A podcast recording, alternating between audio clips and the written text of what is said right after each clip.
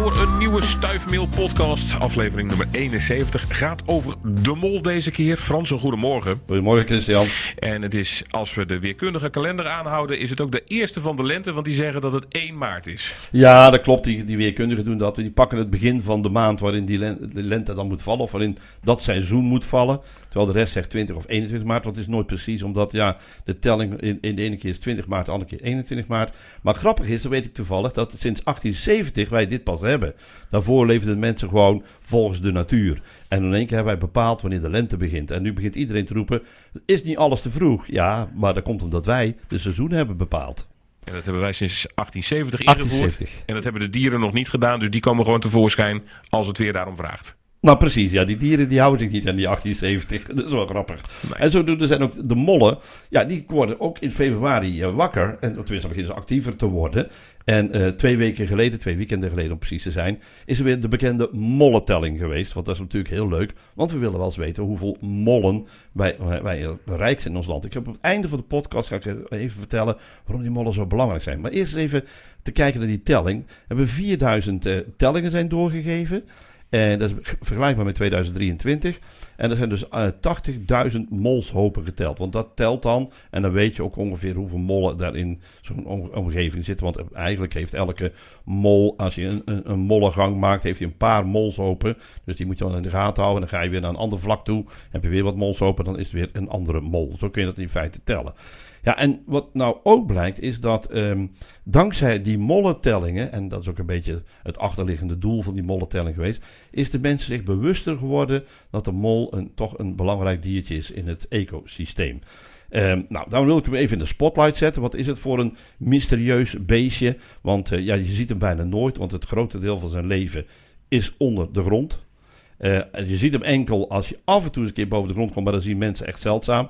De meeste mensen zien een dode mol, want die, komt, die ligt dan boven de grond. Heel vaak is hij dan opgepakt door een buizerd of zo en per ongeluk weer losgelaten. En dan zie je dus een mol, of ja, vreselijke wat ook gebeurt is dat mensen hem af en toe vangen in een mollenklem. Ja, dan zie je ook hoe de mol eruit ziet, maar dan op een niet zo'n mooie manier. Als je nou naar de mol kijkt, het is echt een heel bijzonder diertje, eh, wat in feite eh, wel oogjes heeft, maar niet goed kan zien. Sommige mensen zeggen dat een mol, hè, bekende uitdrukking is, stekenblind zijn als een mol. Maar een mol is niet stekenblind, want die kan toch best wel wat zien, maar heel weinig. Eh, en dan hebben ze ook nog een hele mooie vorm, hoe dat ze gebouwd zijn. Ze hebben mooie graafpoten, kunnen enorm graven. En als ze dan met zo'n gang bezig zijn, dan graven ze dus zeg maar zand achter zich weg. En op een gegeven moment stuwen ze dat naar boven toe en dan heb je zo'n molsoop. Eh klein staartje hebben ze. En de haartjes op die mollen, en er zitten heel veel haartjes op, die zijn eh, die beweegbaar alle kanten op. Want dat is heel vervelend. Ik weet niet of je tegen het bekende woord kent, het spreekwoord kent of uitdrukking kent, tegen de haren invrijven. Ja, die, die ken ik wel, ja. Nou, dat doet dus pijn. En eh, als een mol dus zeg maar vooruit gaat, dan gaan, gaan de haren deze kant op. Dus dan gaan ze naar achteren toe. Maar als hij terug uitkruipt, dan gaan ze naar voren toe. Maar dan wisselt dat gewoon. Heeft hij geen last van. Dat is dus heel bijzonder hoe die harenimplant is. Die is anders als bij andere zoogdieren of zoals bij de mens. Dus dat is al heel erg bijzonder. Het is een diertje wat ja, maar een lengte heeft van maximaal 15 centimeter. En een gewicht van ja, pak een beetje 140 gram. En dan heb je de mol gehad. Dus het is ook maar een heel klein diertje. Maar ook die huid die is wel zo ontzettend mooi. Als je die haren erop ziet, een beetje blauwig zwart, kun je in feite de mol heel goed herkennen. Ehm, ze leven solitair. Dat betekent dus dat ze alleen in de paartijd bij elkaar komen, waar elke mol, of dan een vrouwtje of een mannetje, heeft een eigen gebied. En in de paartijd proberen ze bij elkaar te komen, eh, om dan toch inderdaad eh, in feite te paren, zodat er weer nieuwe molletjes komen. Ze zijn, eh, mensen denken dat ze alleen maar dus eh, in de nacht actief zijn, omdat ze in die gangen leven, in het donker leven. Maar juist daarom zijn ze zowel overdag als in de nacht actief. Ehm, ze hebben wel rustpauzes, dus om de zoveel tijd nemen ze een rustpauze. En dan gaan ze dus even een beetje liggen slapen. En daarna gaan ze weer gewoon door. Dus die hebben een ander ritme dan het daglichtlengte ritme. Die werken gewoon eigenlijk gewoon constant door. En af en toe stoppen ze dan om, om te gaan pitten. En dat is wel heel belangrijk, want eh, voor buizers is dat heel leuk om te weten. Want vaak is het zo dat mollen, dat ze dus flink gegraven hebben. Dan gaan ze meestal daarna rusten. En dat graven, dan doen ze het zand naar achter toe en douwen ze naar boven. En op zo'n moment duikt een, een, een buizerd naar beneden toe in zo'n molsoop. En dan heeft hij dus zo'n mol te pakken. Dus buizers zijn specialisten op het vangen van mollen. En eh, vandaar dat je ook zeg maar, heel vaak aan de randen eh, van graslanden zit. Want er beleven veel muizen en mollen. Zodat hij dus inderdaad zijn voedsel bij elkaar kan pakken. Nou, waar leeft de, de mol dan in feite van? Ja, die leeft alleen maar van dierlijk voedsel. Dus dat betekent dat hij zijn hoofdvoedsel is regenwormen. Dat is het wat meeste wat hij eet. Maar ook allerlei andere spul wat onder de grond leeft, dat, dat, pakt hij aan. En ze zijn ook heel slim. Want eh, wat doen ze ook? Eh, soms willen ze een voorraadje aanleggen. Net zoals mensen een voorraad aanleggen. En wat doen ze dan? Dan gaan ze in de gang. Dan hebben ze weer wat regenwormen ontdekt. Die zo half in die gangen eh, bezig zijn. En die bijten net achter een zadel. Zeg maar een soort kop want als je zo'n regenworm beet zou pakken, moet je wat voelen. Dan is het eerste stukje is een beetje hard. Nou, daarachter bijt dan zo'n uh, mol in. En dan gaat het dier niet dood, die regenworm, maar die kan ook niet meer bewegen. En die hangen dan allemaal zo als zeg maar frietjes eh, in de gang van de mol. en die worden dan om beurten uh, naar believen en op het moment dat het uitkomt worden ze dan opgevreten? Ja, dan worden ze opgevreten, ja, inderdaad. Dan hebben, ze, dan hebben ze dus even weer een voorraadje, dan kunnen ze dat uh, flink opeten.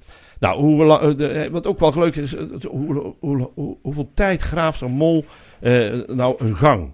En dat is hebben ze ook helemaal uitgezocht. En het is een 12 tot 15 uur uh, graven ze voor een meter. Dus dan zijn ze met een meter bezig om uh, zeg maar 12 tot 15, of nee, sorry, 12 tot 15 meter in een uur. Dus in een uur hebben ze 12 tot 15 meter weggegraven. Nou, dat is gigantisch snel. Dat schiet natuurlijk. aardig op, hè? Ja, dat wou ik net zeggen. Dus er zijn best wel hele snelle diertjes. Nou, ze leven dus uh, solitair, maar in, in, in de paarsperiode komen ze bij elkaar. En dan, ja, dan gaan ze dus paren. En dan hebben ze dus zeg maar weer een, gaan ze hun eigen domicilie kiezen. Het vrouwtje, het is een zoogdier, zal dan gaan zogen. Het mannetje gaat weer zijn eigen weg. Um, oud worden ze vaak niet. Maximaal leeftijd voor een mol is drie jaar, maar daar halen ze dus nooit. Dus echt een heel uitzonderlijk exemplaar die dan drie jaar oud wordt. Dus uh, je kunt rekenen dat ze dus ergens tussen de 1 en 3 uh, eh, zullen ze gaan sterven. En ik heb al begrepen dat er zeg maar een, in graslanden waar weinig onrust is, daar halen ze die driejarige leeftijd wel. Daar wel, maar als de buis het langskomt, dan is het sowieso. dan is het sowieso einde, einde, molle, einde van het Molleriaans bestaan. Ja, precies. um, nou, hoe, hoe, belangrijk is het? Ik, in het begin zei ik dat die belangrijk is in de ecologische kringloop. Uh, is de mol heel belangrijk, maar eigenlijk voor de mensen ook. Wil je een gezonde tuin hebben, dan moet je eigenlijk twee beesten hebben: mollen en regenwormen. Die moet je eigenlijk hebben. Want wat doen uh, die, die mollen? Die zorgen voor een betere bodemvruchtbaarheid. Uh, ze zorgen dat er water en zuurstof uh, makkelijker naar binnen kan, diep de aarde in kan. Want je kunt voorstellen, die mollengangen die kunnen ook water krijgen, die kunnen ook zuurstof krijgen. Dus daar zorgen die mollen dan voor dat je tuin meer water en ja, zeg maar doorluchtigd wordt, om het zo maar eens te zeggen. Want niet allemaal compact blijft zitten. ze eten larven op die dus eigenlijk de graswortels opvreten. Dus denk maar eens aan meikevers. Die hebben zeg maar uh, engelingen. Maar die engelingen, ja, die vreten al het gras op. En heb je af en toe zeg maar een gezon waar een hele grote bruine vlek in ziet. Nou, dat betekent dus dat er engelingen in zitten. Die dus zeg maar de, de wortels opgevreten hebben van de grassen. Nou, wat doet die mol? Die vreet die engelingen op. Dus als je mollen hebt, dan worden jouw grasseizoenen worden dan inderdaad, zeg maar, ja, die zien er beter uit. Alleen je hebt dan wel een mollenganger in. Dat is dan eventjes een beetje een nadeel. En dan heb je een molshoop als je pech hebt uh, ook nog. Ja, daar, daar, heb je ook een molshoop. Nou ja, dat is dan een beetje pech hebben. Maar aan de andere kant, eh, je blijft wel een, eh, de, de rest van je gezond blijft wel mooi groen. Want zij zorgen ervoor dat al die beesten opgegeten worden. Dus dat is in ieder geval, ja, het voor, één voordeel heeft, zeg maar, een... Ja ja, uiteindelijk kun je zeggen, elk nadeel heeft dan zijn voordeel, wat meneer Cruijff dus ook al zei. En dat gebeurt bij de mol. Dus ook en als je dan uh, mollen hebt, want dan kun je ook wel hebben, mollen die hoeven niet altijd midden in de tuin te zitten. Het kan best zijn dat ze aan de randen van de tuin zitten. Ja, dan kunnen ze al heel veel dieren daar afvangen in de grens. Want als die beesten, uh, zeg maar, neergelegd worden, die eitjes van die kevers, ja, dan kan, dan kan zo'n mol er meteen op afduiken. Dus daar help je dus zeg maar een tuin uh, doordat die dus ja, heel erg meer gespaard wordt. Er zijn ook dus larven bij van keversoorten die dus uh, planten opeten of van wansensoorten. Ja, en je hebt een mooie tuin met heel mooie decoratieve planten. Ja, als dan zij de wansen opvreten en de larfjes daarvan, dan blijven die planten ook natuurlijk mooi groeien. Dus een voordeel. Dus um, uh, ik zou zeggen, als je mol in de tuin hebt, ja, laat hem gewoon zitten en duw die molsoop gewoon een keer terug. En ja, goed, als het heel veel wordt, dan, dan probeer je hem een keer te verjagen. Er zijn ook methodes voor, daar ga ik zo meteen even vertellen. Maar ik, ik in mijn tuin, ik heb af en toe een mol erin zitten. Maar die zit, die zit eventjes erin en dan is je ook weer helemaal verdwenen als je helemaal kaal gegeten heeft. Dus dan duw ik af en toe zo'n molsoop een keer terug.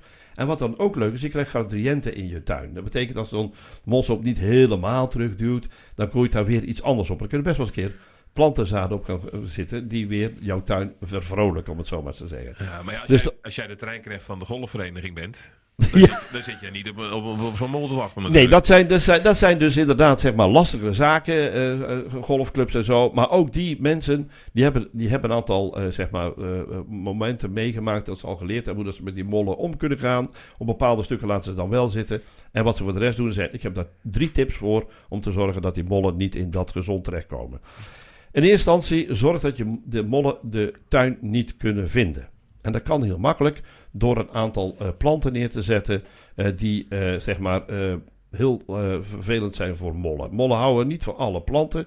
En die, die soorten die je neer kunt zetten, bijvoorbeeld kruisblad, wollersmelk, eh, keizerskroon, nieskruid. Nou, dat zijn soorten die je gewoon overal kunt kopen. Als je aan de boor, borders zet van jouw tuin, en jouw gezon, eh, of van de golfkoers, wat ik ook gezien heb dat ze dat doen, dan gaat die mol daar niet naartoe. Want die heeft een gruwelijke hekel aan dat spul. Eh, en je hoeft er maar een paar neer te zetten en hij, gaat, hij, hij draait meteen vice versa terug wat hij vandaan is gekomen. Dus dat is al in ieder geval een goede tip. En hoef je niet veel voor te doen. En het zijn ook mooie planten ook nog. Nou, ook nog. Ja, dat ook nog. Tip 1 was dat. Dat was tip 1. Tip, tip 3. Oh, top, sorry, tip 2. Ik wou meteen naar 3 toe gaan. Jij mag eerst ook drie doen hoor. Dus, maar ik denk dat mensen dan een beetje de draad. Precies, we Eerst gaan- twee maar even. We doen eerst tip 2. Ja, het is twee. Tip 2 is eh, een mollennetter in eh, zetten in jouw, eh, aan de rand van jouw gezond. En dat is heel simpel. Je hoeft er maar in te graven. Nou, als je naar zo'n een groot tuincentrum toe gaat, dan die hebben gewoon liggen.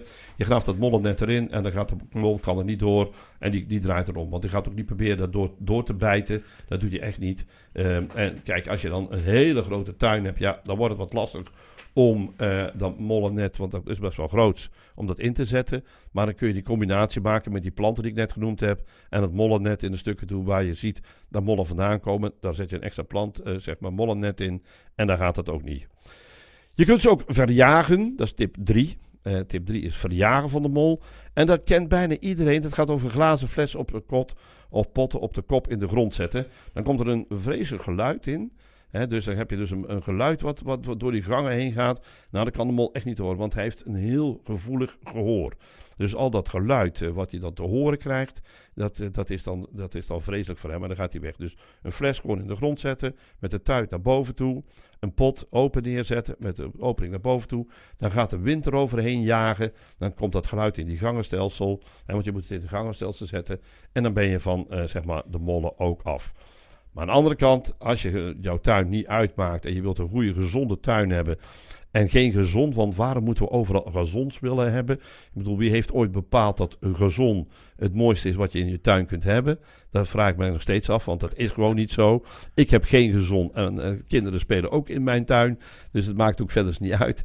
Eh, maar mensen denken altijd, het moet altijd een mooi eh, glad, glad gestreken groen biljartlakenachtig eh ding zijn. Daar ben Nou, jij niet van. Nee, daar ben ik absoluut niet van. Dat vind ik vreselijk. Je, je hebt alles vol met tegels liggen, toch? Nee, nee, nee, nee die, hebben ge- die hebben gewipt. Die hebben gewipt. Nee, maar het is wel zo dat dat ooit is bepaald. Hè, net zo goed als de seizoenen zijn bepaald door mensen in een bepaalde periode. Dat dat dan het fenomeen is waar je je aan vast moet houden. En dan denk ik bij mezelf, ja, maar daardoor raken mensen in de war.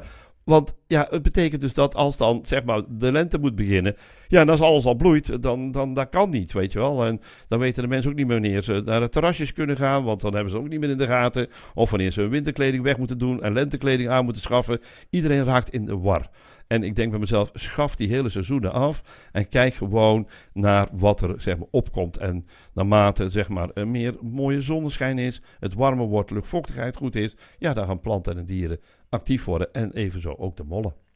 En daarom worden ze ook geteld. Daarom willen we ook weten hoeveel Ja. er zijn. Ja. Heb je enig idee aan hoeveel aantallen moeten we denken? Hoeveel mollen hebben we Nee, in Nederland? nee, nee, nee, dat hebben ze niet. Dat, daarom zijn ze met die mollentelling begonnen. Om eens te kijken van hoeveel er zijn. En eh, bijzonder is ook dat ze op speciale plaatsen ook zijn gaan tellen. Eh, en eh, nou, ik, ik, er staat nergens hoeveel er precies zijn. Wel eh, hele ruwe schattingen worden er gemaakt. Maar die ga ik niet doen. Want ik denk altijd dat is helemaal fout. Want we hebben met eekhoorns ook gedaan. Ruwe schattingen gemaakt. En dan blijkt er veel minder te zijn in werkelijkheid. Meestal is het de tweede week van, van februari. Rekening houden met carnaval. Als het carnaval zeg maar eerder valt, dan gaan ze wat naar achteren toe. Maar daarna is die telling. En ja, volgend jaar in februari is die telling weer opnieuw. Dus als je dan zin hebt om mee te doen, zet het nu vast in je kalender. En tot zover de wonderenwereld van de mol. We hadden een klein beetje geklooi met het geluid. Dus mocht het eh, een klein beetje storend zijn geweest, onze excuses. Volgende week is dat allemaal vast weer beter. En eh, dan spreken we elkaar ook weer. Frans, tot de volgende. Tot de volgende.